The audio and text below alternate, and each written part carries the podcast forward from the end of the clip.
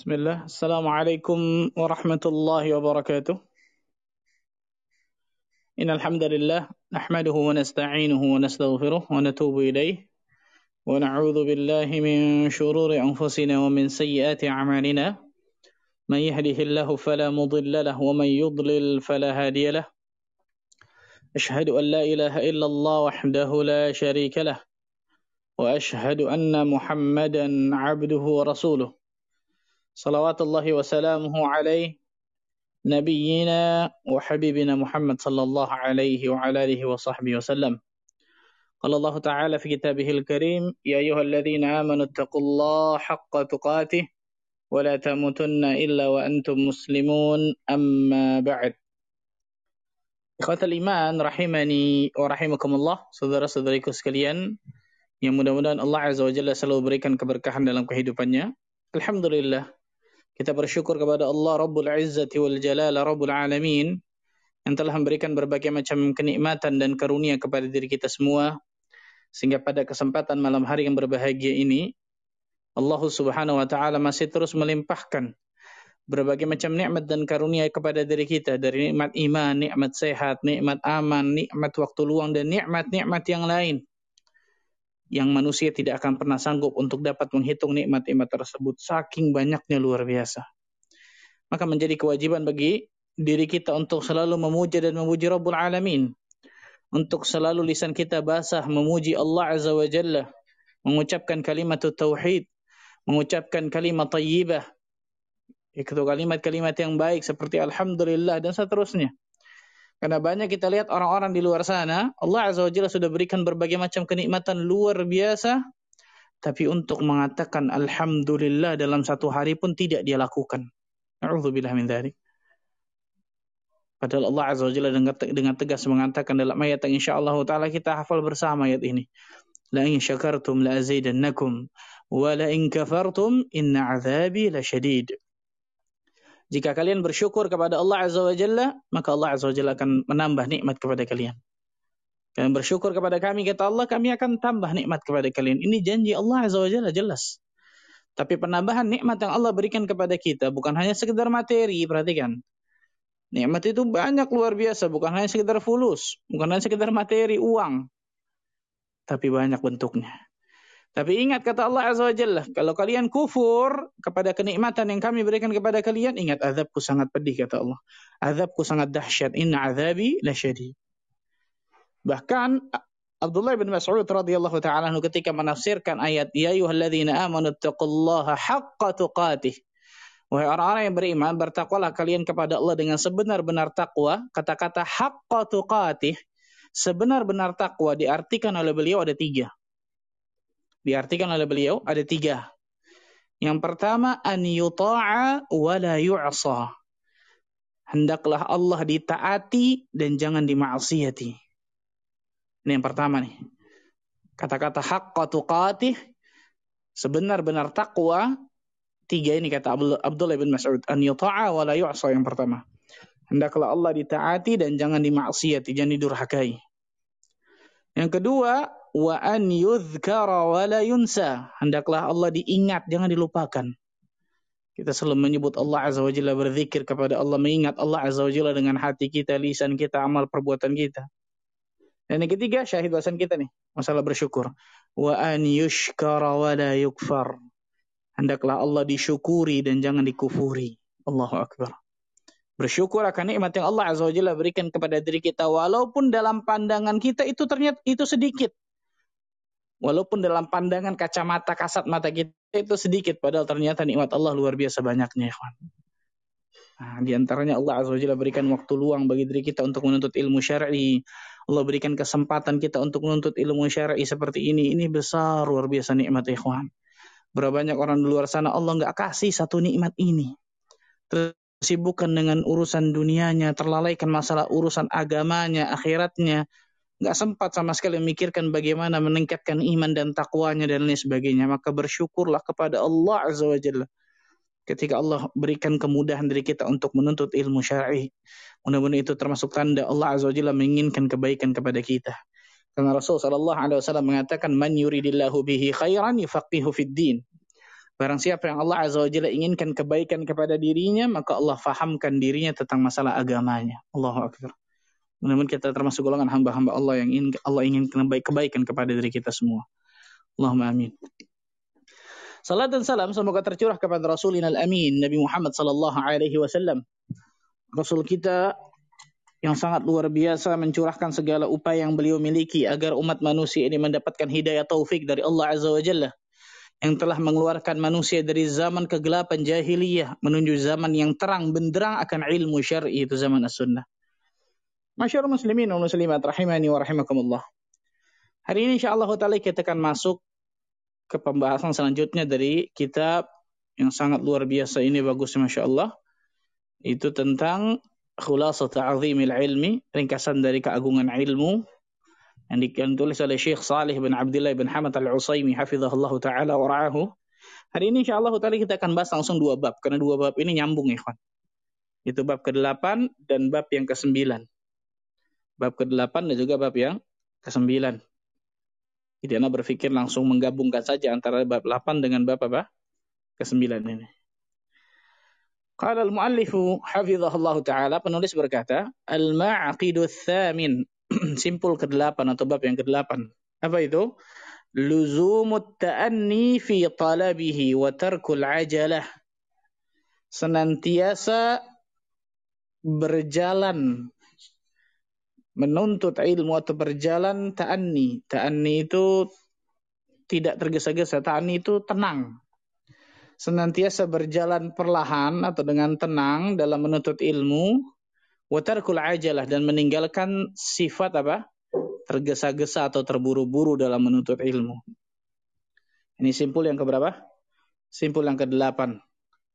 Kemudian simpul yang ke-9, al-ma'qidut tasi' kenapa saya sambungkan? Karena nyambung nih. As-sabru fil ilmi tahammulan wa adaan. Bersabar dalam menuntut ilmu yaitu mengemban ilmu dan juga mengamalkannya. Nah, ini makanya saya katakan nyambung antara dua dua bab ini nih, 8 dan juga apa? ke-9. Penulis mengatakan in tahsil al-ilma in tahsil al-ilmi la yakunu jumlatan wahidah. Sesungguhnya kata beliau, inna tahsil al-ilmi la yakunu jumlatan wahidatan. Sesungguhnya ilmu itu nggak mungkin bisa diraih secara sekaligus semuanya gitu. Kenapa? Idzil qalbu yad'uf an dhalik. Karena hati ini lemah dari hal tersebut. Jadi nggak mungkin kita bisa dapatkan langsung brok gitu sekaligus ilmu luar biasa dari A sampai Z nih belajar sebentar langsung jadi syekhul Islam gitu. Seperti apa? Seperti syekhul Islam Ibnu Taimiyah, nggak mungkin mustahil itu. Nah, sesungguhnya ilmu itu nggak bisa diraih secara sekaligus langsung semuanya. Kenapa? Karena hati manusia lemah. Karena hati manusia lemah. Wa inna lil ilmi fihi thiqalan ka thiqalil hajar fi yadi hamilihi. Dan sesungguhnya kata beliau nih, ilmu ini memiliki thiqal, rasa berat atau beban. Seperti apa? Kathiqalil hajari fi yadi hamilihi. Seperti beban sebuah batu yang ada pada tangan seseorang yang menggenggamnya. Kalau batu itu besar, kan kita akan berat untuk mengangkatnya, betul ya? Bahkan kalau batu itu kecil sekalipun, tapi kalau kita genggam lama, segenggaman misal, lama-lama kan akan berat, betul ya? Nah, ilmu ini memiliki beban, kata para ulama. Seperti layaknya sebuah batu yang ada pada tangan seseorang yang sedang menggenggam batu tersebut. Allah tabaraka wa ta'ala berfirman, ketika Allah ingin memberikan wahyu kepada Nabi kita Muhammad sallallahu alaihi wasallam dalam surah dalam surah Al-Muzammil ma'ruf ini. Inna sanulqi 'alaika qawlan thaqila. Sesungguhnya kami kata Allah akan memberikan kepadamu qaulan thaqila, perkataan yang berat. Allahu akbar. Apa itu? Wahyu Al-Qur'anul Karim. Al-Qur'an dan As-Sunnah jelas subhanallah. Allah Azza wa Jalla akan berikan kepada Nabi kita Muhammad sallallahu alaihi wasallam qaulan thaqila, perkataan yang berat. Perkataan yang berat. Maka beliau mengatakan, "Wa idza kana hadza wasful Qur'an al-muyassar kama qala Allah Ta'ala" Fama dhannu bighairihi minal ulum. Maka apabila demikian sifat Al-Quran, yang kita tahu bersama bahwa Al-Quran ini sudah dimudahkan oleh Allah Azza wa Jalla, seperti Allah sebutkan dalam surah Al-Qamar ayat 17, kemudian ayat 21, 21 betul ya. Empat kali Allah Azza wa Jalla mengulang ayat ini.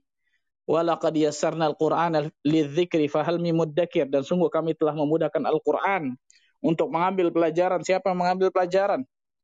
Dia Allah mengatakan, "Inna sanulqi 'alaika 'alaika qawlan tsaqila." Sesungguhnya kami akan memberikan kepadamu ya Muhammad perkataan yang apa? Berat.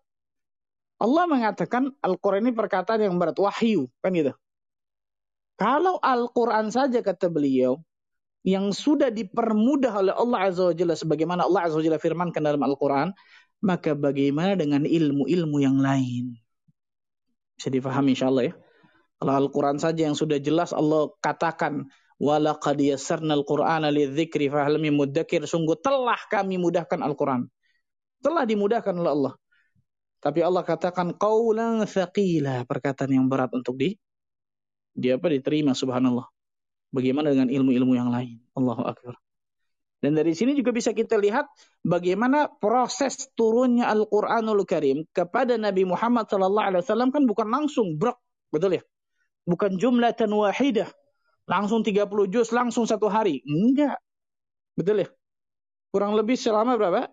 23 tahun lamanya kurang. Kurang lebih ya. Selama 23 tahun lamanya. 22 tahun sampai 23 tahun lamanya. Turun kepada Nabi kita Muhammad sallallahu alaihi wasallam bayangkan. Dan sungguh proses diturunkannya Al-Quran ini menjadi pelajaran besar bagi diri kita semua nih subhanallah. Kenapa kok Al-Quran ini nggak turunkan sekaligus kepada Nabi kita Muhammad sallallahu alaihi wasallam padahal Allah azza wajalla maha mampu jelas.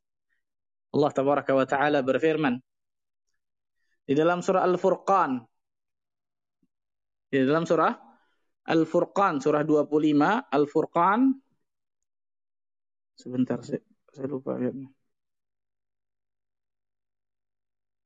di dalam surah Al-Furqan Allah tabaraka wa taala berfirman Subhanallah sebentar temu ayat tadi Allah Azza wa Jalla mengatakan dalam surah Al-Furqan, nanti insyaAllah kita cari ayat. وَقَالَ الَّذِينَ كَفَرُوا لَوْ نُزِّلَ عَلَيْهِ الْقُرْآنُ جُمْلَةً وَاحِدَةً kata Allah. Dan orang-orang kafir berkata kepada kepada apa? kepada Nabi Muhammad SAW. Mengapa Al-Quran tidak diturunkan sekaligus dalam satu waktu sudah? Subhanallah betul ya. Orang-orang kafir kan pasti mencari-cari terus. Orang-orang kafir Quraisy pasti mencari-cari celah nih. Kenapa Al-Quran nggak turunkan langsung semua nih? Langsung brok gitu istilahnya kepada Nabi Muhammad SAW secara sekaligus dalam satu waktu. Allah tabaraka wa taala mengatakan apa? Kadzalika linuthabbita bihi fuadak warattalnahu tartila. Subhanallah. Demikianlah kata Allah agar kami meneguhkan hatimu. Linuthabbita bihi fuadak. Agar kami meneguhkan hatimu ya, ya Muhammad. Kemudian apa? Warattalnahu tartila. Dan agar kalian membacanya secara tartil. Secara perlahan. Lihat ayat ini menjadi hujah yang sangat tegas. Hujah yang sangat jelas, gamblang. Kepada diri kita semua. Ketika kita berjalan di atas ilmu itu berjalannya harus perlahan. Harus apa? Anah. Harus dengan ketenangan, nggak boleh terburu-buru, nggak boleh tergesa-gesa, harus dengan kesabaran. Subhanallah, ya luar biasa. Nabi Shallallahu Alaihi Wasallam yang jelas Allah Azza Wajalla maha mampu untuk memberikan kepada Nabi kita Muhammad Shallallahu Alaihi Wasallam langsung kan gitu. Pasti Allah Azza Wajalla maha mampu atas hal tersebut. Tapi Allah Azza Wajalla nggak jadikan Al-Quran itu satu langsung turun kepada Nabi Muhammad SAW langsung sekaligus. Tidak. Dan situ ternyata banyak hikmahnya. Di antaranya tidak lain tidak bukan agar kami kata Allah Azza Jalla meneguhkan hatimu. Sabat. Agar hatimu itu konsisten, istiqamah. Dan kita tahu bersama ya. Rasul Sallallahu Alaihi Wasallam mengatakan apa?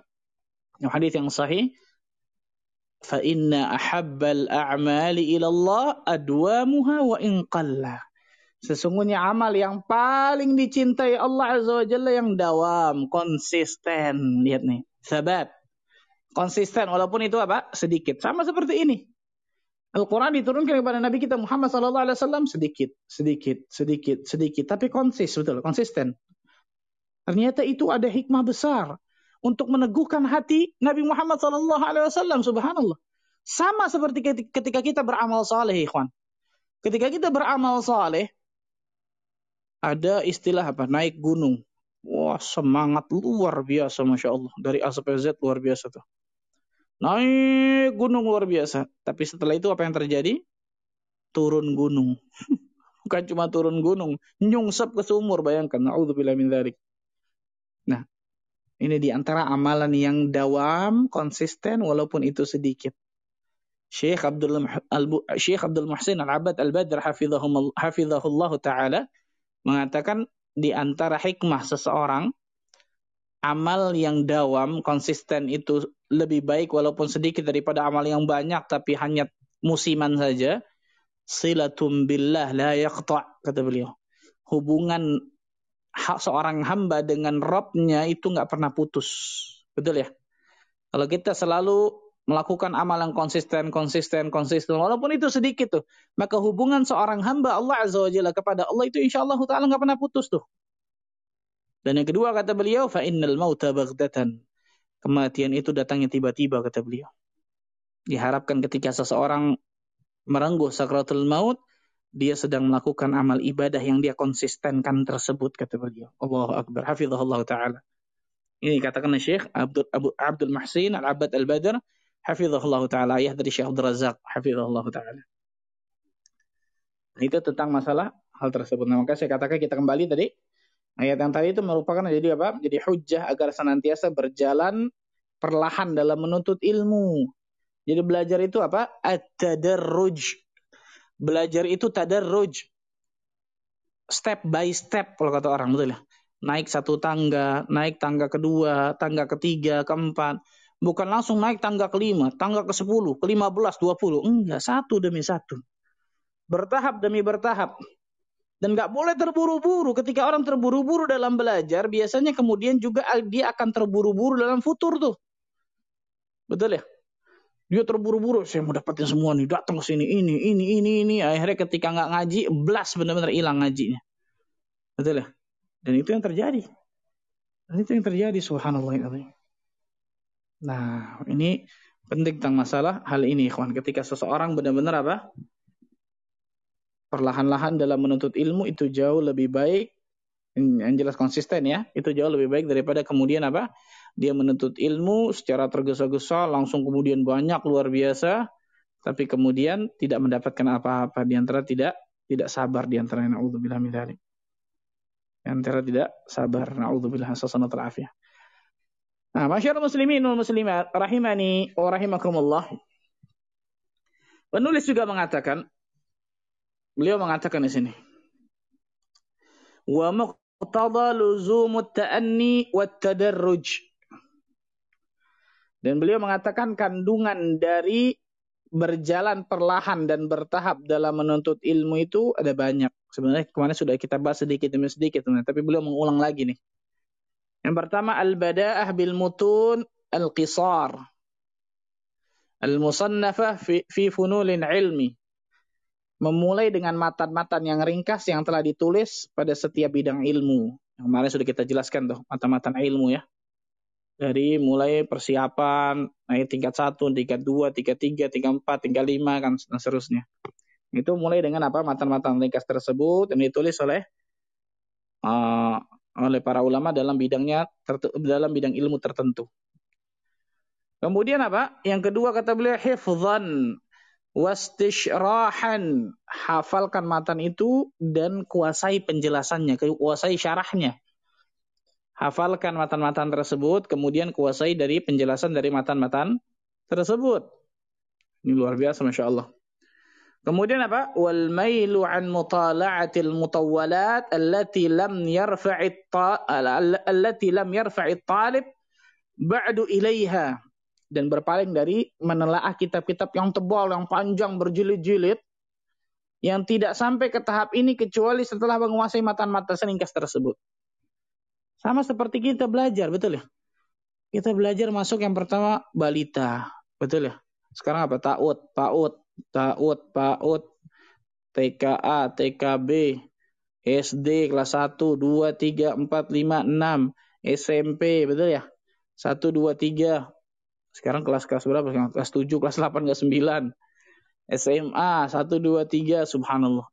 Kuliah S1, S2, S3, kan gitu. Tadarruj itu pasti. Pasti dengan apa? Bertahap, sedikit demi sedikit, step by step itu. Nggak mungkin anak SD dikasih pelajaran anak SMA, nggak mungkin. Nggak mungkin mustahil, subhanallah. Bahkan para ulama sampai mengatakan apa? Ta'amul kibar summus sigar. Makanan orang dewasa itu bisa jadi racun bagi balita, bagi anak kecil kan gitu ya. Yang belum bisa ngunyah, belum bisa makan apa-apa, anak kecil, anak bayi, dikasih makanan orang dewasa, bisa racun, bisa memadaratkan kan gitu. Nah, itu sama kata para ulama. Ketika orang baru belajar, jangan kemudian berlaga langsung kemudian apa?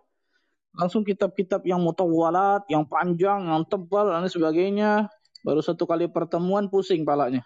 Udah nggak datang lagi selamanya habis itu. ini bukan seperti ini caranya kata para ulama. Ada cara-cara yang diajarkan oleh para ulama tentang masalah hal ini tadi. Tadi matan-matan yang ringkas, yang matan-matan ringkas tersebut dihafalkan, kemudian dikuasai syarahnya dari penjelasan seorang guru yang kompeten dalam bidangnya. Kemudian apa? Baru berpaling ke kitab-kitab yang kecil. Baru nanti subhanallah sama seperti seseorang belajar fikih misal, nggak mungkin ketika dia baru belajar fikih langsung dihadapkan dengan fikih muqaranah misal. Fikih perbandingan madhab. Kan pasti puyang itu. Kita belajar sholat misalnya nih. Awal-awal kan gimana takbiratul ihram begini, rukun sholat ada sekian dan lain sebagainya. Nggak mungkin langsung rukun sholat nih ulama khilaf, ada sekitar segini-segini. Khilafnya seperti ini nih. Tahrir mahal nizaknya seperti ini. Waduh, pusing itu pala pasti. Nah, itu bit tadarruj. Pasti itu bisa dapatkan dengan apa? Dengan bertahap. Dengan pelan-pelan, dengan sabar dalam menuntut ilmu tersebut. Barang siapa kata beliau yang menerjunkan dirinya untuk menelaah kitab-kitab yang panjang, lebar, luar biasa besarnya, tebalnya, maka biasanya itu akan memadaratkan dirinya. Itu biasanya akan memadaratkan apa? dirinya. Ternyata orang ada orang yang melampaui batas di dalam belajar. Subhanallah bayangkan kata beliau nih. Ada orang-orang yang tajawuzul i'tidal fil ilmi rubbama adda ila Subhanallah. Melampaui batas dalam belajar yang ujung-ujungnya mengantarkan kepada hilangnya ilmu itu sendiri. La ilaha illallah. Karena nggak tahu dalam tariqatul ilm, nggak tahu dalam belajar ilmu seperti apa awalnya, akhirnya kemudian melampaui batas yang menjadikan ilmu itu ternyata dia nggak dapat kenapa apa naudzubillah min. Nah, ini yang dikatakan tadi apa? Perkataan Syekh Abdul Karim Ar-Rifai seorang ulama di kota Damaskus di negeri Syam ini, ta'amus sigar, eh, ta'amul kibar, sumus sigar. Makanan orang besar itu bisa jadi racun bagi anak yang masih kecil atau balita. Maka di sini pentingnya kesabaran dalam menuntut ilmu. Kesabaran dalam menuntut ilmu. Harus sabar. Wajib sabar. Kalau nggak ada kesabaran, waduh bahaya luar biasa. Kalau nggak ada kesabaran, sangat luar biasa bahayanya. Ini pentingnya ketika seseorang bersabar dalam menuntut ilmu. Sebagaimana yang sudah pernah kita sebutkan dari syair Imam Syafi'i rahimahullah taala ya akhi lan tanala al-ilma illa bi, lan tanala al-ilmi illa bi sittatin. Wahai saudaraku, engkau tidak bisa mendapatkan ilmu kecuali dengan enam hal. Apa saja itu? Zakaun, kecerdasan, wa hirsun, semangat, wajtihadun, sungguh-sungguh, wa bulghatun, ada bekal, wa irsyadu ustadzin, atau suhbatu ustadzin, ada bimbingan dari seorang guru, wa tulu zamanin yang terakhir, waktunya panjang. Masanya panjang, harus apa? Sabar. Harus sabar dalam menuntut ilmu syar'i. Kalau seseorang tidak ada kesabaran dalam menuntut ilmu syar'i, oh ini bahaya luar biasa. Yang ada ujung-ujungnya akan meninggalkan ilmu tersebut. Bahkan yang lebih parah, na'udzubillah min dzalik, dia tahu akan satu ilmu tapi ilmu tersebut malah memadaratkan dirinya dunia akhirat. Sabar. Sabar jelas subhanallah. Allah tabaraka wa taala berfirman di dalam surah Ali Imran ayat ke-200 Surah Ali Imran ayat ke 200. Ya ayyuhalladzina amanu sabiru wa sabiru wa rabitu wattaqullah la'allakum tuflihun. Wahai orang-orang yang beriman, isbiru, sabarlah kalian semua tuh. Bersabar kalian semua. Wasabiru, lihat bukan cuma isbiru doang. Wasabiru, kuatkan kesabaran kalian. Warabitu dan tetaplah bersiaga. Wattaqullah, bertakwa kalian kepada Allah. La'allakum tuflihun. Kalau kalian sudah kerjakan itu semua tuh, maka kalian insya Allah Ta'ala akan beruntung. Supaya kalian mendapatkan apa? Keuntungan, keselamatan. Subhanallah. Lihat, perintah Sabar yang pertama kata para ulama tidak lain tidak bukan adalah mewujudkan iman yang pokok.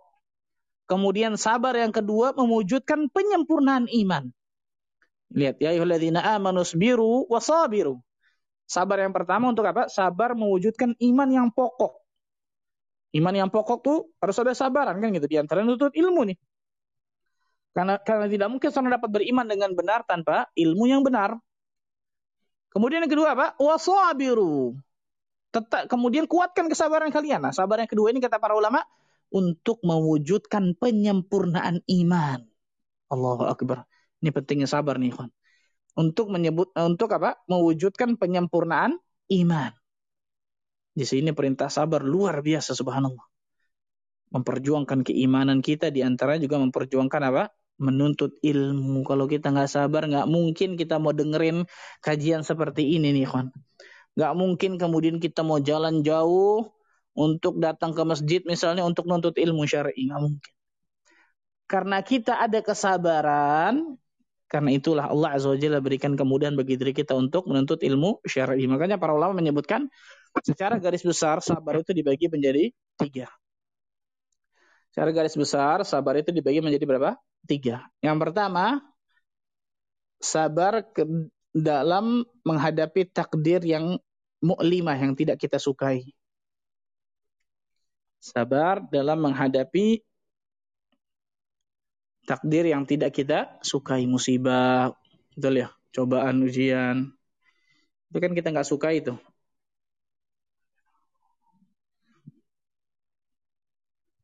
Itu yang pertama.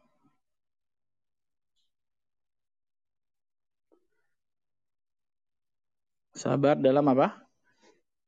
Menjalani takdir yang tidak, yang tidak kita suka. Yang kedua, sabar dalam ketaatan kepada Allah.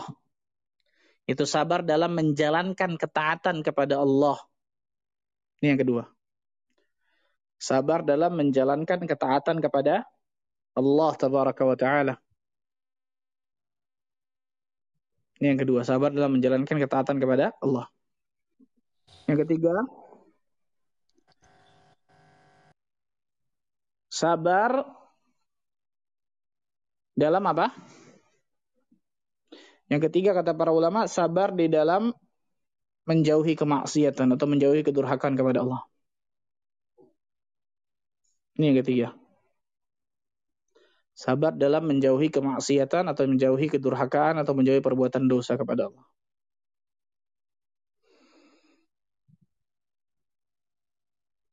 Ini tentang apa? Sabar. Nah, ketika seorang menuntut ilmu syar'i kata para ulama, berarti kan dia sedang menjalankan ketaatan kepada Allah, sahih? Itu pasti butuh kesabaran, ikhwan. Pasti butuh kesabaran, subhanallah. Bahkan subhanallah, Allah Azza wa Jalla menyuruh diri kita untuk menjalani kesabaran bersama orang-orang yang menyuruh kepada kebaikan. Di antaranya orang-orang yang bareng-bareng sama kita nuntut ilmu nih. Walaupun mungkin kita nggak dapatkan duniawi dari mereka. Allah Azza Jalla berfirman dalam surah Al-Kahfi ayat 28, "Wasbir nafsaka ma'al ladzina yad'una rabbahum bil ghadati wal 'ashiyyi yuriduna wajha." Dan bersabarlah kalian bersama orang-orang yang menyeru Rabb kalian di pagi dan sore hari, di pagi dan petang dengan mengharapkan keridhaan Allah tabaraka wa taala. Ya Allah subhanallah Nih, ketika seseorang ingin menjalankan kesabaran, maka dia harus perhatikan ini baik-baik. Kemudian Syekh Al-Utsaimin hafizahullah taala mengatakan apa? Wa fawqa hadzaini an-naw'aini min sabril ilmi as-sabru 'ala sabr fihima wa thabatu 'alaihima. Ini menarik nih kata beliau. Kesabaran yang lebih tinggi dari dua fase sabar terhadap ilmu adalah sabar untuk bisa bersabar. Lihat, sabar untuk bisa bersabar serta konsisten dalam sabar. Paham kan tuh Nifan? Saya ulang ya. Kesabaran yang lebih tinggi kata beliau dari dua fase yang lain. Itu apa? Yang pertama sabar untuk bisa bersabar. Jadi sabarnya diikat lagi dengan kesabaran. Sabar untuk bisa bersabar. Yang kedua, konsisten dalam kesabaran. Allahu Akbar. Konsisten di dalam apa? Kesabaran. Karena ketika nuntut ilmu pasti but, pasti ada aja gangguan itu nggak mungkin nggak ada tuh subhanallah. Mengamalkan ilmu, ya lebih parah lagi luar biasa betul ya. Dikatain ini, katain itu, macam-macam kan gitu ya. Dicap ini, dicap itu, dicap teroris, radikal, macam-macam kan gitu ya. Lagi zaman sekarang, na'udzubillah min dzalik subhanallah. Maka kesabaran itu harus diikat dengan kesabaran pula. Sabar untuk bisa bersabar. Ajib kata beliau ini dan konsisten di dalam sabar tersebut. Sahabat, konsisten dalam sabar tersebut. Nah, ini ulama memberikan nasihat seperti ini. Yahya bin Abi Kathir rahimahullah taala berkata apa? La yustata'ul ilm birahatil jasad. Ilmu ini tidak akan bisa diraih dengan tubuh yang bersantai-santai, yang leha-leha itu nggak bisa tuh ikhwan. Nggak bisa benar-benar. Kalau kita ingin dapatkan ilmu yang benar, maka jangan harap kecuali benar-benar kita harus apa? Menjada wajada. Barang siapa yang sungguh-sungguh dia akan dapatkan. Barang siapa yang sabar dia akan dapatkan itu. Tapi barang siapa yang nggak sabar, jangan kaget loh ternyata dia nggak dapatkan apa? Nggak dapatkan sama sekali dari ilmu tersebut. Ya Allah, subhanallah. Ini disebutkan oleh para ulama tentang masalah ini. Allahu Akbar. Masyarakat muslimin wal muslimat rahimani wa rahimakumullah. Kemudian Syekh menyebutkan penulis menyebutkan sabrul ilmi naw'an. Beliau menyebutkan sabar di dalam ilmu itu ada dua. Sabar dalam ilmu itu ada dua. Yang pertama kata beliau, yang pertama kata beliau, Sebentar, ini hilang kok. Nah, ini. Ahaduhuma sabru fi tahammuluhu fi fi tahammulihi wa akhdhihi. Sabar dalam mengemban ilmu dan mengambilnya. Yang pertama nih. Sabar dalam mengemban ilmu dan mengambilnya. Itu dalam Mencari ilmu jelas dalam mencari ilmu, dalam mengambilnya. Contohnya apa? Al-hifz yahtaj ila sabr. Menghafal butuh kesabaran. Wal fahmu memahami butuh kesabaran. Apalagi hudur majelis ilm, hadir di majelis ilmu butuh kesabaran. Belum juga kita jelaskan wa riayatu haqqi syekh. Memperhatikan hak-hak guru butuh kesabaran karena guru ini pasti macam-macam betul ya? Ada yang sifatnya begini, ada yang begini, ada yang begini. Ya sabar. Kalau kita yang nggak sabar, kita yang rugi. Makanya para ulama salaf terdahulu, ada aja yang guru-guru macam-macam. Al-Amash rahimahullah ta'ala ketika beliau ngajar, bayangkan nih kalau beliau ngajar itu, itu ludahnya, air liurnya itu muncrat-muncrat dari mulutnya. Ini disebutkan oleh para ulama hadis tentang masalahnya. Al-Amash ma'ruf luar biasa. Thiqah fil hadis. Thiqah fil rawi. Al-Amash ini luar biasa tobakot yang luar biasa tingginya nih. Kalau ngajar, berarti kalau yang depannya itu basah semua tuh. kalau beliau ngajar Allah rahimahullah taala rahmatan wasi'ah. Beliau mengajar, memang kebiasaan beliau mungkin subhanallah. Ketika beliau ngajar tanpa beliau sadari, apa air liur itu muncrat-muncrat gitu tanpa dia sadari, tanpa beliau sadari. Kalau kita nggak sabar nggak bakal datang itu betul ya. Tidak akan pernah datang ke majelis tersebut betul ya. Subhanallah. Tapi hebatnya para ulama sabar. Niat sabar dalam mengemban ilmu, menuntut ilmu dan juga mengambilnya. Yang kedua kata beliau, Wa naw'u tsani sabr fi adaihi wa bathihi wa tablighi ila ahlihi. Yang kedua sabar dalam mengamalkannya, menyebarkannya, menyampaikannya kepada manusia. Jadi kalau orang sudah punya ilmu, perhatikan baik-baik ini, harus ada yang dia sedekahkan dari ilmunya. Bahkan sebagian ulama mengatakan harus ada yang dia zakatkan dari ilmunya. Maksudnya zakatkan di sini bahasa ulama adalah apa? Harus ada yang dia dakwahkan kepada manusia. Balighu anni walau ayah. Sampaikan dariku walaupun hanya satu ayat. Perhatikan nih. Karena banyak kita orang-orang yang berilmu. Kok nggak mau nyampein ilmu? Ini salah ini.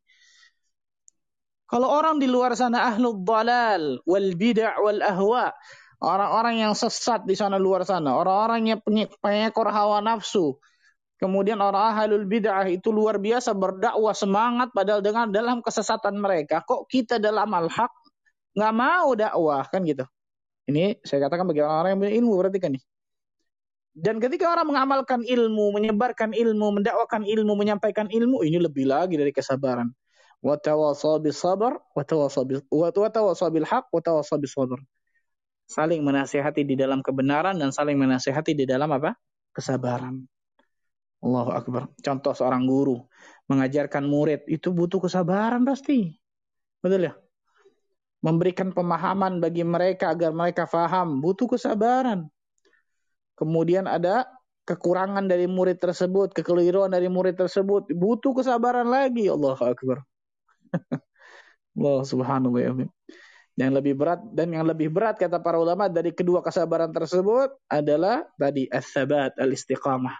Konsisten atau istiqamah dalam menjalankan kedua kesabaran ini. Konsisten dalam mencari ilmu, mengemban ilmu, mengambil ilmu, dan konsisten dalam mengamalkan ilmu, menyebarkan ilmu, menyampaikan ilmu kepada halayak ramai, kepada manusia. Mengamalkan berarti bagi sendiri sendiri, menyebarkan, menyampaikan, mendakwahkan baru bagi orang lain. Nah, yang lebih berat apa? Istiqomah atau konsisten dalam dua kesabaran ini. Orang yang konsisten dalam menjalankan ilmu itu dalam mencari ilmu, kemudian mengemban ilmu, mengambilnya, begitu juga mengamalkannya, menyebarkannya, mendakwahkannya, mereka akan dapatkan berbagai macam keutamaan yang luar biasa subhanallah. Luar biasa Masya Allah. Nah ini disebutkan oleh para ulama masalah ini. Nah, kita akan sebutkan secara ringkas ya Kita akan sebutkan secara ringkas beberapa faktor yang menjadikan seseorang itu bisa berhasil dalam proses belajar. Beberapa faktor, secara ringkas ya enggak, saya enggak jelaskan secara terpanjang lebar. Beberapa faktor yang harus diperhatikan bagi para penuntut ilmu kalau ingin berhasil dalam proses belajarnya. Yang pertama, yang pertama mengikhlaskan niat. Ini awal-awal kita bahas masalah ini betul nih. Mengikhlaskan apa? Niat. Jangan pernah lalai dan lupa untuk selalu memperbaharui niat kita ya kawan.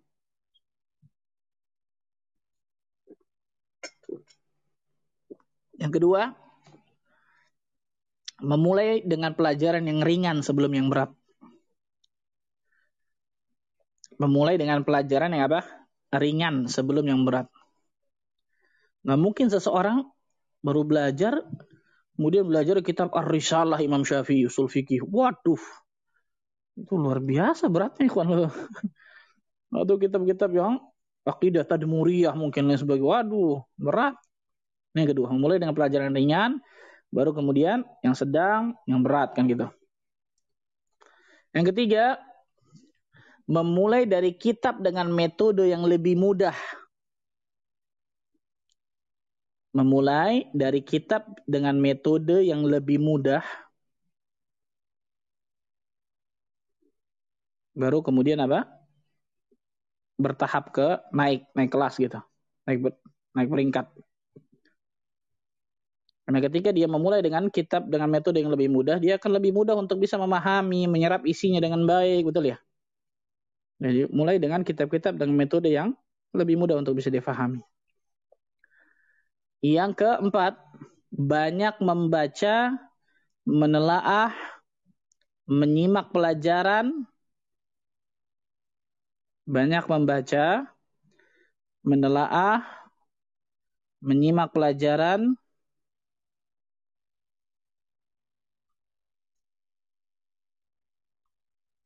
dan menyiapkan dan menyiapkan apa? senjata bagi penuntut ilmu. Apa senjata penuntut ilmu? Buku, betul ya? Apa pena dan sebagainya, Al-Qur'an, sampingnya mungkin sebagainya. Kamus, kamus bahasa Arab kalau memang itu sebagainya. Nah, ini banyak membaca, menelaah, menyimak pelajar banyak menyimak pelajaran dan menyiapkan apa? senjata penuntut ilmu, kurung buku, pena, kamus dan lain sebagainya. Yang kelima, mengulang-ulang bacaan. Mengulang-ulang bacaan dengan teliti. Mengulang-ulang bacaan dengan apa? Dengan teliti. Bisa jadi Ustadz ketika menyampaikan, menyebutkan faidah, betul ya? Ibarat faedah ini. Maka berhenti di setiap faedah, fikirkan, fahami benar-benar. Kalau bisa hafalkan, Masya Allah, kuatkan ilmu tersebut. Nah ini, ya kan dapatkan Masya Allah nih, kalau seperti ini nih. Kemudian, bersemangat untuk menghafal ringkasan-ringkasan dari cabang dari setiap cabang ilmu.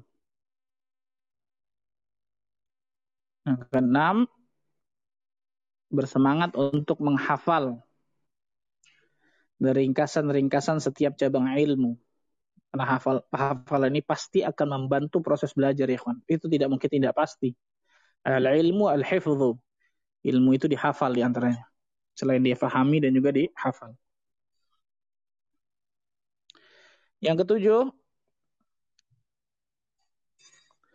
membaca kemudian memahami membaca kemudian memahami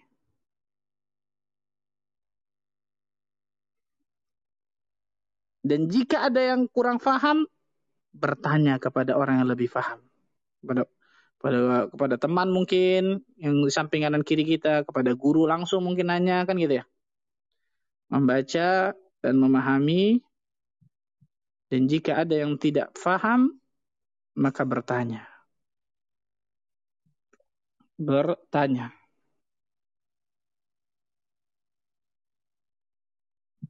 Selanjutnya,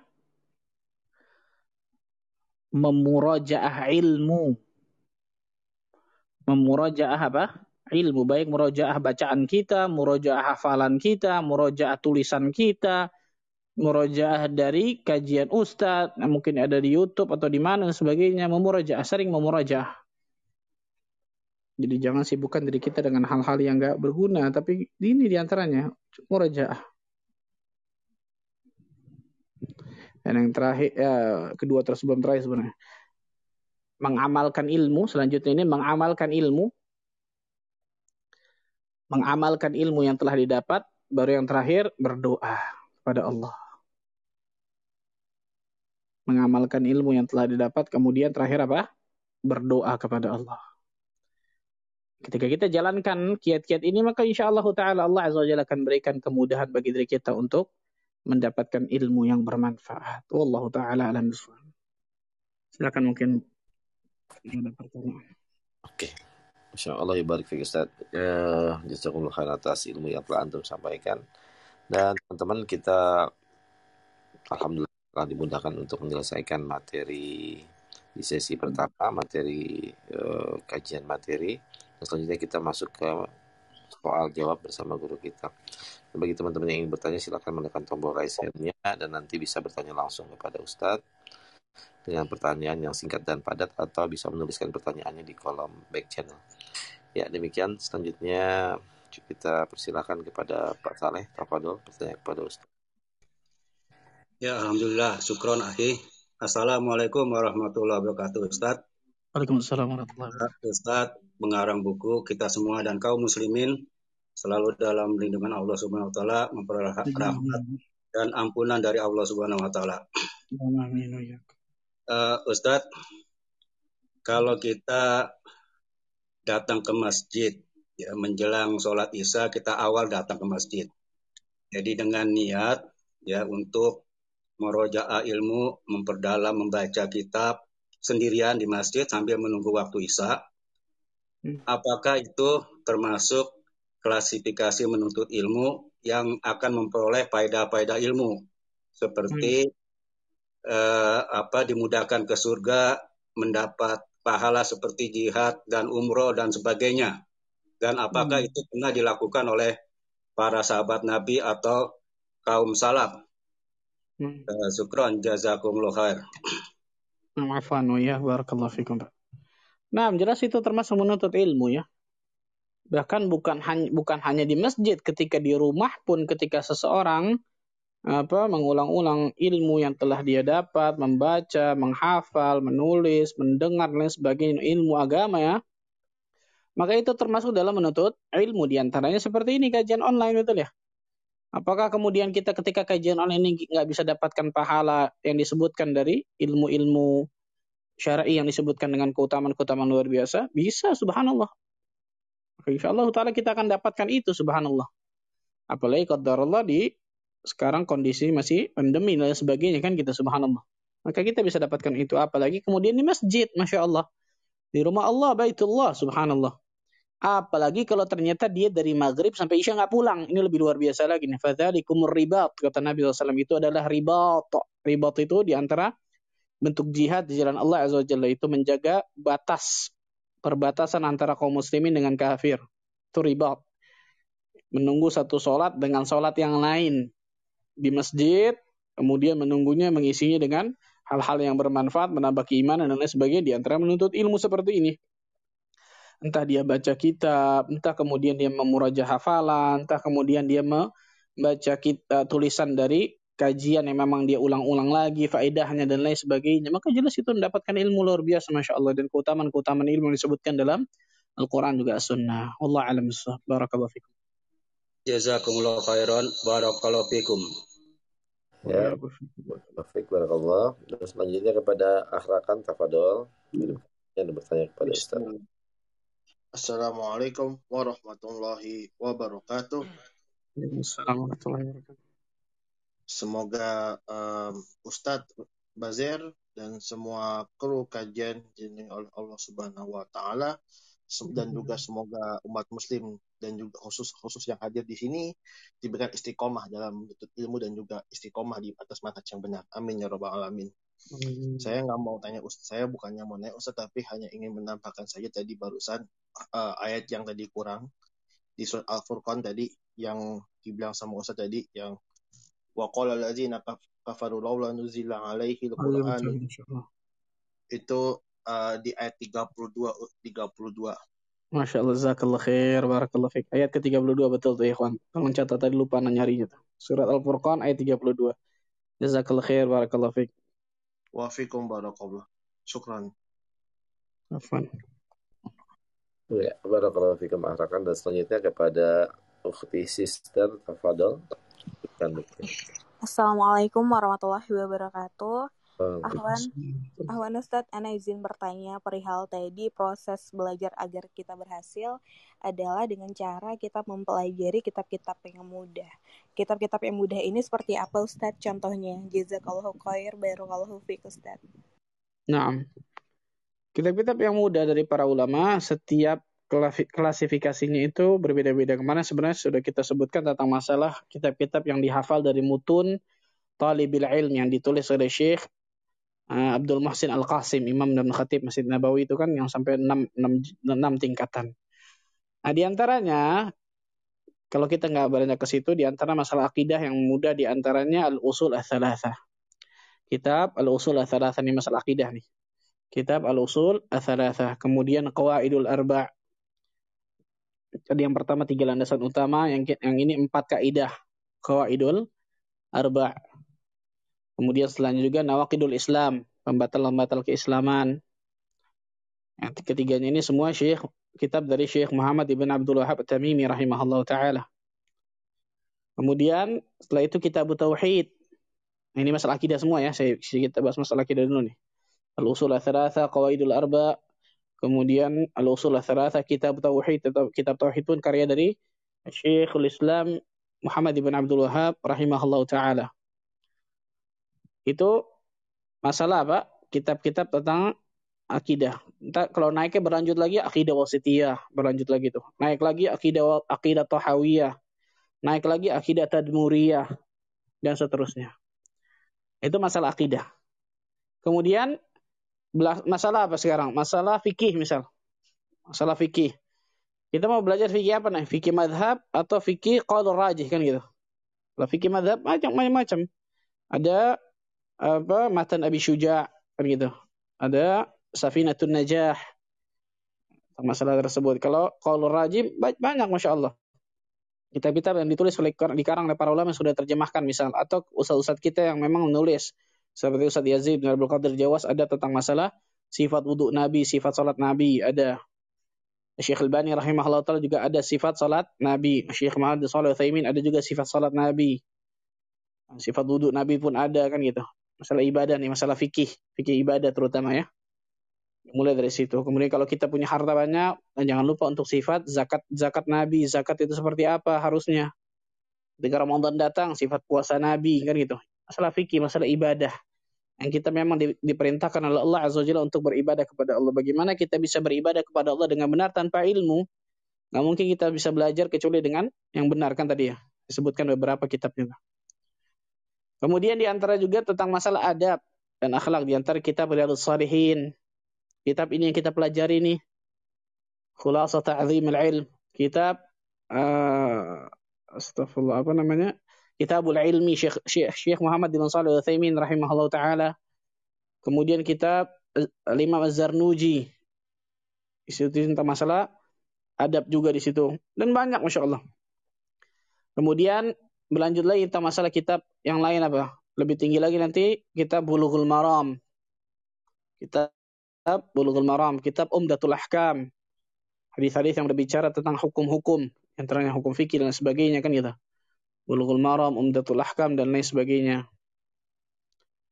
Kemudian kita masalah sirah, banyak sekarang ada fikih sirah.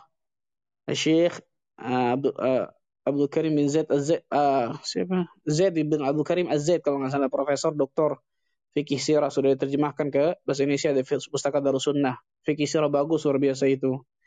Ada juga Al-Habib, itu juga sudah terjemahkan, Masya Allah. Lebih tebal lagi, Masya Allah. Dan lain sebagainya, tentang masalah kitab-kitab sirah. Antum bisa baca, uh, Ustaz Yazid punya punya buku tentang masalah ini. Kitab-kitab yang harus bagi seorang penuntut ilmu. Dalam buku beliau, menuntut ilmu jalan menuju surga, kalau anak nggak salah ingat. Nah, itu luar biasa, Masya Allah. Itu bagus banget, Masya Allah. Beliau juga punya kitab tentang masalah ada penuntut ilmu. Di situ bisa kita buka, kita kita baca dan kita pelajari dari kitab-kitab tersebut dan kita beli, betul ya? Banyak orang ketika duduk di kajian ilmu masya Allah, tapi untuk beli kitab malas deh. Waduh, mahal bosat. Mahal gimana subhanallah? Kalau nggak nggak ada senjatanya seorang menuntut ilmu gimana subhanallah kan gitu. Kitab itu kenikmatan besar. Kalau kita punya kitab itu Allah Akbar. Nikmat besar luar biasa ikhwan. Nikmat besar Masya Allah. Makanya para ulama itu ketika bertaamul, bermuamalah dengan kitab itu Masya Allah luar biasa nikmatnya. Sampai-sampai sampai-sampai Imam Ibnu Jauzi sampai mengatakan apa? Ketika aku menemukan satu kitab yang tidak pernah aku temukan sebelumnya dari satu kitab bidang ilmu ini, itu lebih aku cintai daripada aku menemukan harta karun yang luar biasa besar. Bayangkan. Dan lain sebagainya, Masya Allah. Itu beberapa referensi kitab yang bisa kita miliki. Wallah alam Ya, baik. Ustaz, Allah ya uh, izin membacakan pertanyaan tertulis Ustaz. Assalamualaikum warahmatullahi wabarakatuh. Ustaz, uh, Ana membaca sebuah postingan dari salah satu guru kita. Beliau menceritakan ada seorang ulama cerdas yang malah meninggal dalam keadaan ateis. Kira-kira apa yang menyebabkan beliau murtad?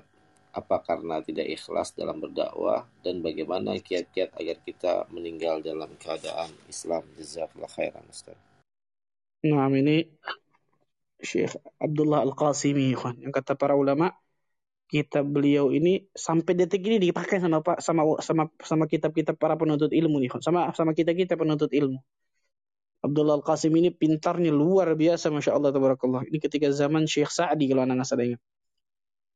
Sampai-sampai para ulama mengatakan kitab yang ditulis oleh Syekh oleh Abdullah Al-Qasim ini itu sebagai mahar untuk bisa mendapatkan surga Allah Azza wa Jalla. Saking luar biasa manfaat masalah nuntut ilmu tersebut eh dari kitabnya tersebut. Dan kitabnya tersebut saya lupa judul judul ininya. Tapi di antaranya membahas tentang masalah ateis dan lain sebagainya untuk membantah mereka dan sebagainya. Dan tapi Allah di sini pelajaran besar bagi diri kita semua. Yang pertama, yang namanya hidayah itu di tangan Allah tabaraka wa taala hidayah taufik ini maksudnya.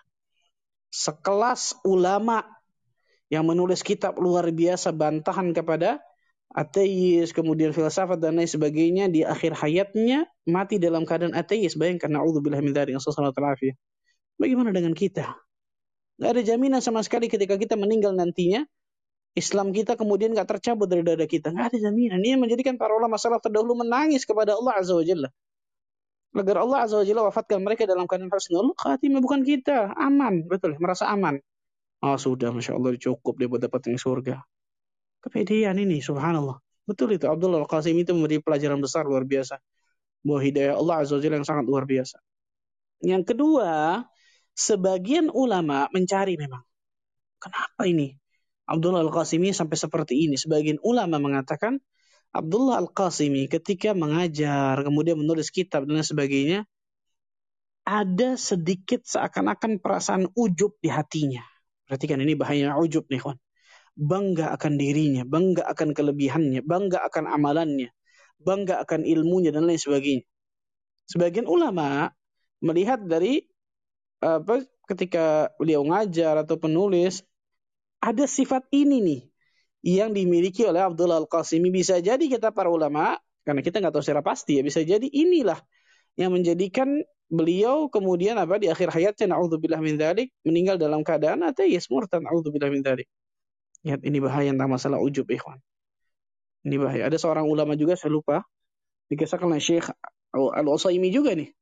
Saya melihat di YouTube ulama ini di ulama ini ketika mengajar bayangkan ini syaitan loh kan ini sekelas ulama bayangkan loh ketika mengajar terbesit dalam hatinya itu tidak ada yang lebih alim di daerah ini di kota ini kecuali saya nih dalam hatinya nih bayangkan dalam hatinya tidak ada yang lebih alim tentang masalah ilmu fikih dan lain sebagainya ilmu syar'i seperti ini daerahku ini saya lupa di Basra apa di mana kecuali diriku kalau nggak salah Imam Al Mawardi ini kalau nggak salah ingat Syekh Utsaimin menyampaikan ini, saya, saya dengar di YouTube. Maka tiba-tiba ada seseorang yang bertanya kepada imam ini, kepada syekh ini. Wah imam, syekh, saya ingin tanya satu pertanyaan. Tanyalah orang ini. Ketika tanya dengan satu pertanyaan ini, tiba-tiba syekh atau imam tersebut nggak bisa jawab. Saya nggak tahu jawabannya ini. Bayangkan, saya tidak tahu jawabannya. Tiba-tiba salah satu muridnya ada yang nunjuk tangan, ya syekh.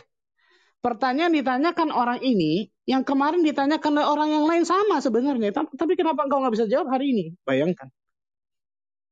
Pada saat itu, kalau anda nggak salah ingat, Imam Al-Imam Al-Mawardi kalau anda nggak salah ingat. Pada saat itu Al-Imam langsung mengatakan, Ya Allah, ini pasti karena dosa aku tadi ujub nih, sempat ujub dalam hatiku menyangka bahwa tidak ada orang yang lebih alim di kota ini, di daerah ini, kecuali diriku nih. Sehingga Allah Azza wa berikan balak seperti ini. Bayangkan, pertanyaan yang baru ditanyakan baru kemarin sama orang yang berbeda, pertanyaannya sama. Kemarin bisa jawab, sekarang nggak bisa jawab. Allah Azza wa ingin tunjukkan tuh, apa yang kalian mau ujubkan, wahai manusia. Allahu Akbar, subhanallah. Nah, sebagian ulama menyebutkan ini di antara bisa dikatakan di antara sebab penyebab Abdullah Al-Qasim meninggal naudzubillah min dalam keadaan kufur. Nasallallahu wa ta'ala afiyah naudzubillah min dzalik. Wallahu a'lam Ya, Ustaz Jazakallah khairan atas jawabannya dan selanjutnya kepada Akh Cakra Tafadol. Hidupkan mic-nya. Assalamualaikum warahmatullahi wabarakatuh Ustaz. Semoga Allah mencurahkan rahmatnya kepada kita semua dan semoga antum uh, semoga Allah selalu menjaga antum dan keluarga antum. Uh, Ana mau bertanya gitu tentang kiat-kiat kita Ustaz. Karena Ana gitu sering patah tengah gitu dalam melakukan ibadah gitu. Uh, seperti misalkan ingin menambah hafalan gitu atau ingin uh, konsisten dalam sholat malam gitu. Kadang Anas selalu patah tengah gitu. Berapa hari, berapa satu bulan atau berapa hari berhenti dan waktunya tuh kadang lama sekali. Kadang cuma berapa hari, kadang lama sekali gitu. Ada nggak kiat-kiat gitu supaya kita bisa gitu uh, beribadah uh, yang lama gitu tapi kita tetap semangat gitu dan bisa menghafal gitu yang banyak dan kita tetap semangat itu aja Ustaz. Naam. Barakallahu fikum. Nah, Masya Allah. Ini sama seperti Ana, sama kita sama seperti kita semua ya, betul ya. Hmm. Ketika kita memulai dan sebagainya, kekonsistenan itu atau keistiqomahan itu memang luar biasa berat ya kan. Tidak mudah Masya Allah. Itu yang namanya istiqomah itu di situ tuh. Para ulama sampai mengatakan Al-istiqamatu khairum min alfi karamah. Istiqamah itu lebih baik daripada seribu karamah yang Allah berikan kepada para wali-walinya. Bayangkan. Ketika Allah Azza wa Jalla berikan keistiqamahan kepada seorang hamba, itu jauh lebih baik daripada Allah berikan seribu karamah kepada wali-walinya yang Allah cintai. Bayangkan. Itu beratnya istiqamah. Ikhwan. Tapi sesuatu yang berat belum tentu tidak bisa, belum tentu tidak mungkin dilakukan. Sesuatu yang berat berarti di sini juga butuh apa? Butuh effort yang besar juga ya, kan gitu ya. Agar bisa melakukan sesuatu yang berat tersebut. Nah, para ulama menyebutkan memang di antaranya. Yang pertama, tidak lain tidak bukan adalah selalu berusaha menjaga niat dan keikhlasan kita. Saya sudah ikhlas Ustaz. Menjaga keikhlasan. Perhatikan nih. Menjaga keikhlasan atau menjaga niat kita. Bisa jadi awalnya kita sudah ikhlas, tapi kemudian karena keikhlasan kita sempat hilang atau sempat turun, menjadikan Allah Azza wa Jalla nggak mudahkan kita lagi. Ini menjaga namanya nih. Menjaga keikhlasan, menjaga niat agar selalu apa? Di jalan Allah Tabaraka wa Ta'ala. Ini nih, yang pertama nih. Karena keikhlasan itu menjadikan sesuatu yang mustahil bisa jadi mungkin itu. Bayangkan dengan keikhlasan, Masya Allah. Ini yang pertama. Yang kedua kata para ulama, memulailah dengan sesuatu yang sedikit terlebih dahulu atau yang ringan terlebih dahulu. Contoh ketika ingin sholat malam. Mulailah dengan sesuatu yang ringan terlebih dahulu. Apa contohnya? Sebelum tidur. Mulai dari sebelum tidur dulu kan gitu. Sebelum tidur ambil wudhu, sholat misalnya. Entah itu dua rakaat, tutup satu, entah itu tiga rakaat, entah itu dua rakaat kemudian tutup tiga rakaat, apa pun itu. Pokoknya sebelum tidur, misal nih, itu insya Allah lebih mudah ya daripada kemudian kita langsung bangun malam jam 2 langsung baca panjang habis itu setahun lagi baru baru bangun. Maka jelas lebih bagus yang pertama kata para ulama walaupun dia sebelum tidur tapi terus dilakukan, dia konsistenkan. Nah tadi itu ahabbul a'mali ilallah muha wa in qalla. Amal yang paling dicintai Allah Azza wa Jalla yang dawam, konsisten, istiqamah walaupun itu sedikit. Hafalkan Al-Quran misal contoh. Satu hari misal satu ayat, dua ayat. Satu ayat, dua ayat. Satu ayat, dua ayat. Tapi konsis, konsisten. Menghafalnya konsisten, memurojaahnya konsisten terus. Itu jauh lebih baik daripada kemudian kita duduk, menghafalin langsung satu halaman, satu lembar. Banyak dapetin murojaah banyak, habis itu hilang. Wallah alam di mana lupa naruh Al-Qur'annya. Wah, kacau kan ini. Nah, mulai dari sesuatu yang ringan terlebih dahulu, sedikit-sedikit demi dulu itu sampai nanti kemudian naikin misal kalau sudah ini kayaknya sudah insya Allah mudah-mudahan bisa kayaknya naikin sedikit demi sedikit naikin lagi naikin lagi terus ini yang kedua yang ketiga cari teman kalau kita ingin contoh menghafal Al-Quran, cari teman yang bisa saling menguatkan satu dan yang lain. Cari lima teman, enam teman, bikin satu grup hafalan dan sebagainya kan gitu. Atau cari satu ustadz, satu guru yang setiap hari harus apa? store hafalan dan lain sebagainya atau murojaah dan lain sebagainya. Ini cari teman, cari miliu, cari guru kan gitu. Nah itu insya Allah kita akan dapatkan banyak banyak istimewaan ketika kita banyak itu masya Allah. Cari teman yang saleh, guru yang baik dan sebagainya kan gitu. Ini yang ketiga. Yang keempat banyak berdoa kepada Allah Azza wa Jalla ikhwan. Karena tanpa bantuan Allah nggak mungkin kita bisa istiqamah mustahil subhanallah.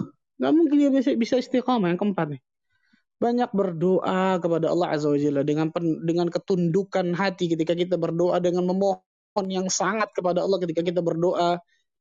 Mudah-mudahan Allah Azza akan berikan kemudahan bagi diri kita semua. Selanjutnya pula kata para ulama, ingatlah ketika kita ingin melakukan satu amal, ingat ini adalah sesuatu yang Allah cintai. Masukkan dalam pikiran hati kita nih, kawan. Ini adalah sesuatu perbuatan, amalan yang Allah tabaraka wa ta'ala cintai. Masa kemudian kita tidak mau mengkonsistenkan sesuatu yang Allah Azza wa Jalla cintai, kita bisa dapatkan kecintaan Allah terus menerus tuh ikhwan.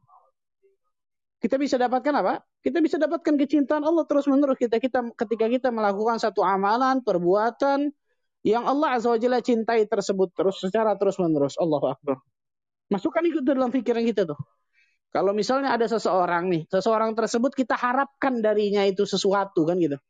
Masa maka maka pasti kita akan membuat seseorang tersebut itu orang tersebut sayang kepada kita, cinta kepada kita, ridho kepada kita. Kan gitu ya? Walillahi mathalul a'la. Tanpa menyamakan Allah dengan makhluknya jelas. Ketika kepada Allah Azza wa Jalla, kita ingin melakukan, melakukan satu amal soleh, perbuatan dan sebagai ingatlah ini sesuatu yang Allah cintai. Masa saya kemudian nggak mau dicintai sama Allah sih? Bangun, saya paksakan. Ah. Nah ini yang selanjutnya yang, yang terakhir, memak awalnya bisa jadi memaksakan. Awalnya bisa jadi apa? Memaksakan. Contoh bangun malam. Kalau kita nurutin hawa nafsu kita tuh tidur bobo tuh ya kan. Betul ya? Bangun subuh, tidur bobo itu as-salatu khairum minan naum dibalik sama kita. An-naum khairum minas shalah naudzubillah. Tapi kalau kita paksakan awalnya, lama-kelamaan kita akan dapatkan kenikmatan. Nah, awalnya berarti harus apa? Memaksa biasanya. Dan memaksa ini belum tentu bukan berarti kemudian gak ikhlas. Salah banyak orang pem, salah pemahaman masalah ini. Oh dia dia memaksakan bangun malam berarti nggak ikhlas dong. Salah. Lawan kata dari ikhlas itu bukan memaksa untuk ibadah, tidak. Lawan kata ikhlas itu ria, sum'ah. Itu lawan katanya kan gitu. Nah itu Allah alam Allah azza wajalla berikan taufik kepada kita semua. Jazakallah khairan. Iya, Allah khairan. Selanjutnya kepada Ukhti Zahra Tafadol, hidupkan mic-nya dan bertanya langsung kepada Ustaz. Bismillahirrahmanirrahim. Assalamualaikum warahmatullahi wabarakatuh, Ustaz. Assalamualaikum. Ana mau tanya Ustaz. No. Ana sekarang alhamdulillah kuliah di jurusan bahasa Arab semester 3. Cuma um, Ana itu lulusan SMA dan waktu kuliah Ana benar-benar belajar dari awal dari isim, fi'il dan sebagainya. Nah, kemudian hmm. untuk mencapai target gitu ya Ustaz, uh, target per semester itu belajarnya harus ngebut dan apakah ini termasuk dalam apa kita nggak sabar dalam dalam menuntut ilmu Ustaz? Jazakumullahu khairan Ustaz. Nah, barakallahu fiik. Enggak, bukan itu. Ketika seseorang belajar apalagi kemudian universitas dan lain sebagainya, biasanya kan pasti ada target-target yang harus dipenuhi atau ada target-target yang memang harus dicapai. Nah, maka jelas ini bukan termasuk ketidaksabaran atau tergesa-gesa dalam menuntut ilmu, enggak. Kalau antum misal belajar atau nanti misal belajar di eh, apa di Libya mungkin ataupun di Madinah dan sebagainya itu yang dipelajari juga luar biasa banyak masya Allah. Satu semester itu luar biasa ngebut kan gitu. Kadang-kadang dosennya banyak memberikan pelajaran. Ada juga dosen yang sedikit ada juga dosen yang tengah-tengah. Nggak terlalu banyak nggak terlalu sedikit kan gitu. Nah yang seperti ini untuk memberikan pemahaman yang banyak maksudnya pemahaman yang banyak kepada murid kepada tulab dan lain sebagainya untuk mencapai target dan sebagainya Ya itu insya Allah Ta'ala bisa. Insya Allah Ta'ala apa? bisa. Terkadang jiwa kita ini memang harus dipaksa, dipacu seperti itu baru bisa biasanya. Tapi kalau kita malas-malasan biasanya nggak bisa-bisa tuh kan gitu subhanallah. Tapi yang seperti ini bukan termasuk tidak sabar atau tergesa-gesa dalam menuntut ilmu tidak masya Allah. Dan bersemangatlah bukan berarti kemudian dari dari SMA biasa kemudian masuk belajar dari awal fi isim fi'il dan sebagainya nggak bisa dapatkan bahasa Arab masya Allah. Para ulama terdahulu subhanallah belajar bahasa Arab, belajar menghafal Al-Quran. Berapa banyak dari para sahabat belajar apa menghafal Al-Quran ketika umurnya sudah di atas 40 tahun, 50 tahun. Betul. Tapi Allah berikan kemudahan, Masya Allah kan gitu. Ada juga orang yang tadi tuh, berapa banyak teman-teman saya yang kemudian apa di, di Lipi atau di Madinah yang awalnya ternyata SMA SMA umum biasa tapi semangat masya Allah dan sebagainya. Di antara Ustaz Al Fadil Ustaz kita bersama Ustaz Muhammad Khalid Syari itu dari SMA biasa itu masya Allah. Allah berikan taufik masya Allah hafizahullah taala. Maka bersabarlah bersemangatlah bersungguh-sungguhlah berdoalah. Maka Allah azza wajalla akan berikan yang terbaik buat nanti. Barakallahu fiik Ya, Zara, sudah terjawab ya. Hmm, dan selanjutnya Ustaz bisa membacakan pertanyaan tertulis Ustaz. Bismillah, Assalamualaikum warahmatullahi wabarakatuh. Waalaikumsalam warahmatullahi wabarakatuh. Ustadz dan seluruh tim, semoga Ustadz dan semuanya dilimpahkan berkah oleh Allah Subhanahu wa taala. Amin. Ustadz uh, saya sempat bertukar pikiran dengan om saya terkait demo kepemimpin. Beliau berkata itu diperbolehkan dengan dalih pada zaman Umar bin Khattab radhiyallahu an beliau dinasihati di depan umum oleh ibunya.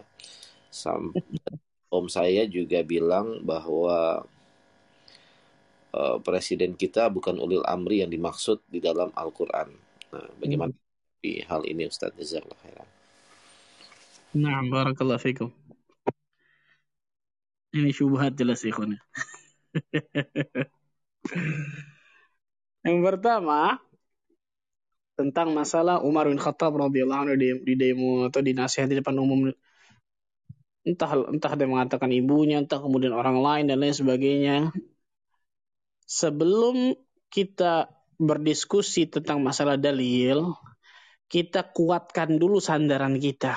Apa maksudnya? Kalau antum mau duduk kursi antum nih ada kaki-kaki kursinya betul ya tapi kaki kursinya tersebut ternyata ada satu yang patah. Kalau duduk patah pasti, betul ya? Sama seperti tadi, kisah tadi contoh. Benar nggak sanatnya? Ternyata dicek oleh para ulama tentang masalah itu. Sanat tentang masalah apa? Umar Khattab dinasihati depan umum oleh seseorang. Kalau engkau melenceng, wahai amir ini, aku yang akan apa? Aku akan meluruskan dengan pedang kuin dan lain sebagainya. Subhanallah. Ini riwayatnya da'ifah.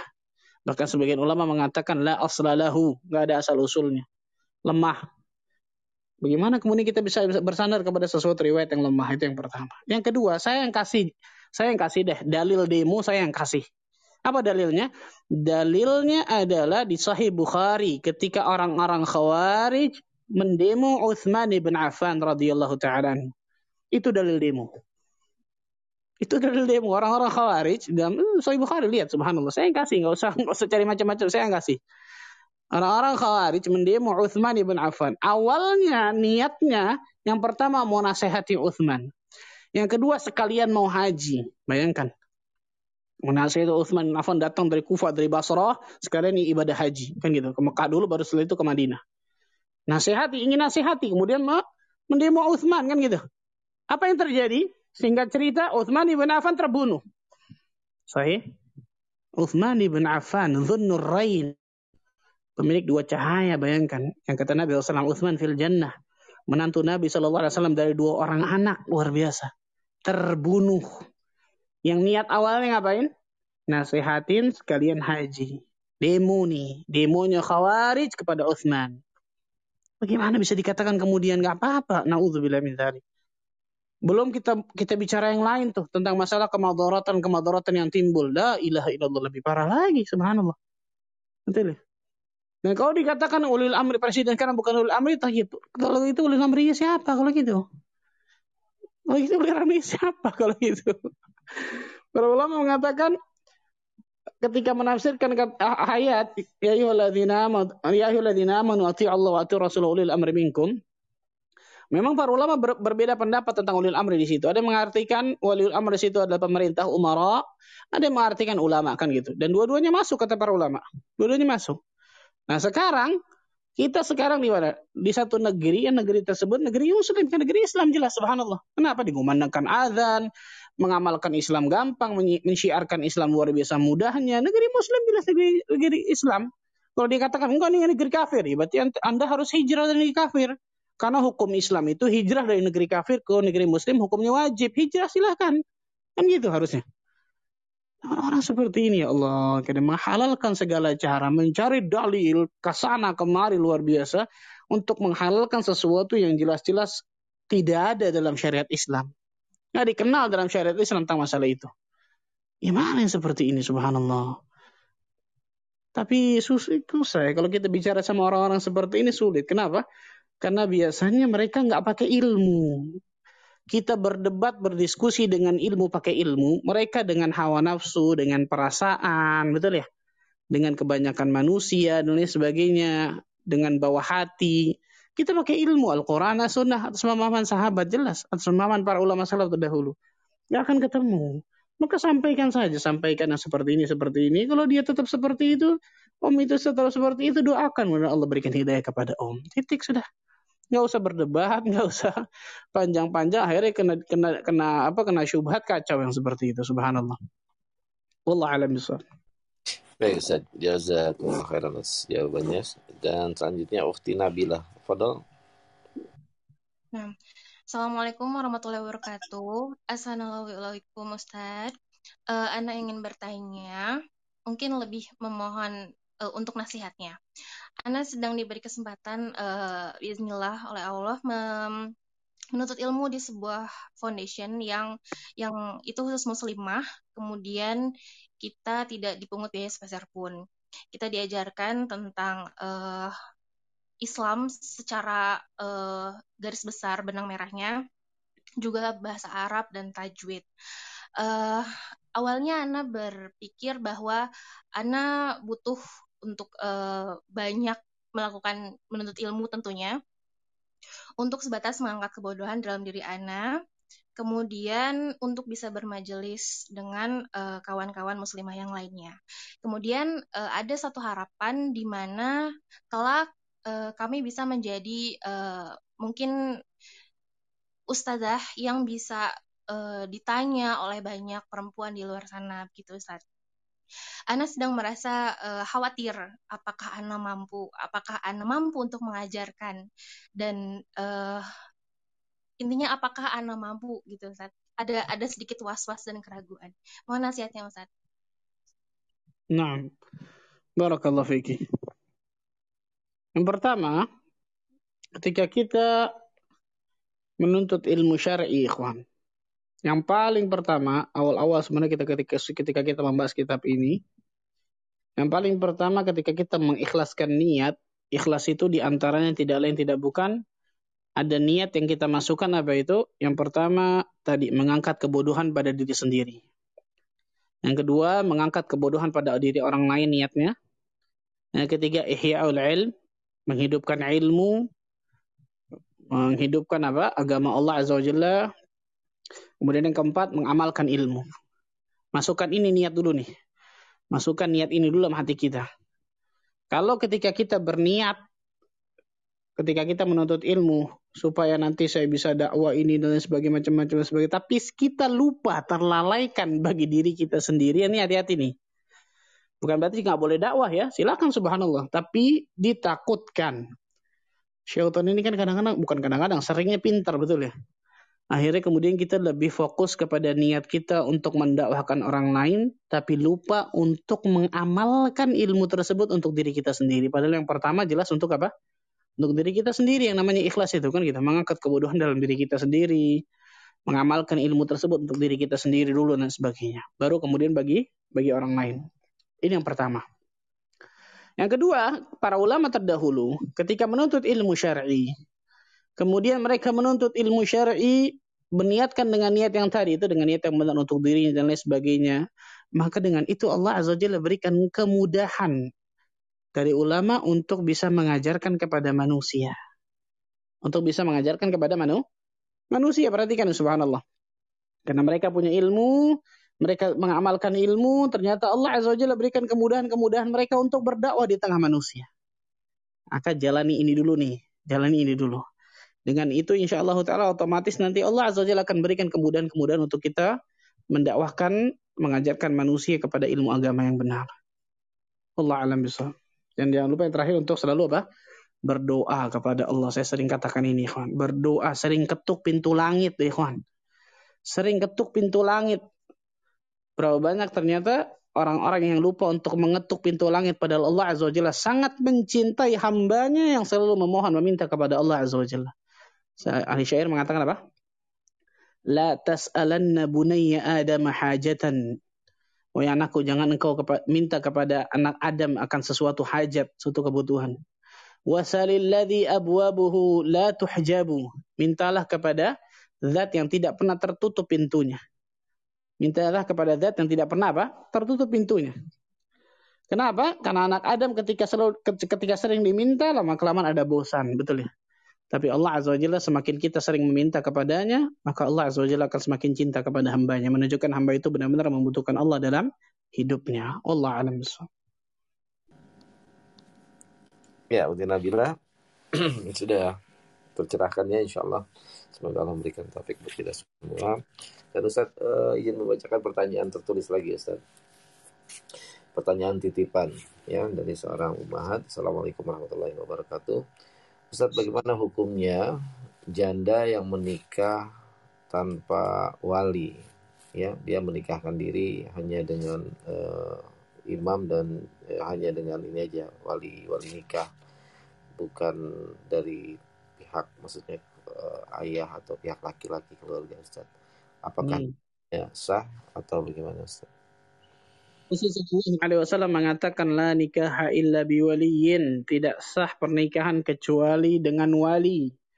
Mau itu janda mau itu gadis maka tidak boleh seorang wanita menikah kecuali dengan wali. Nggak bisa.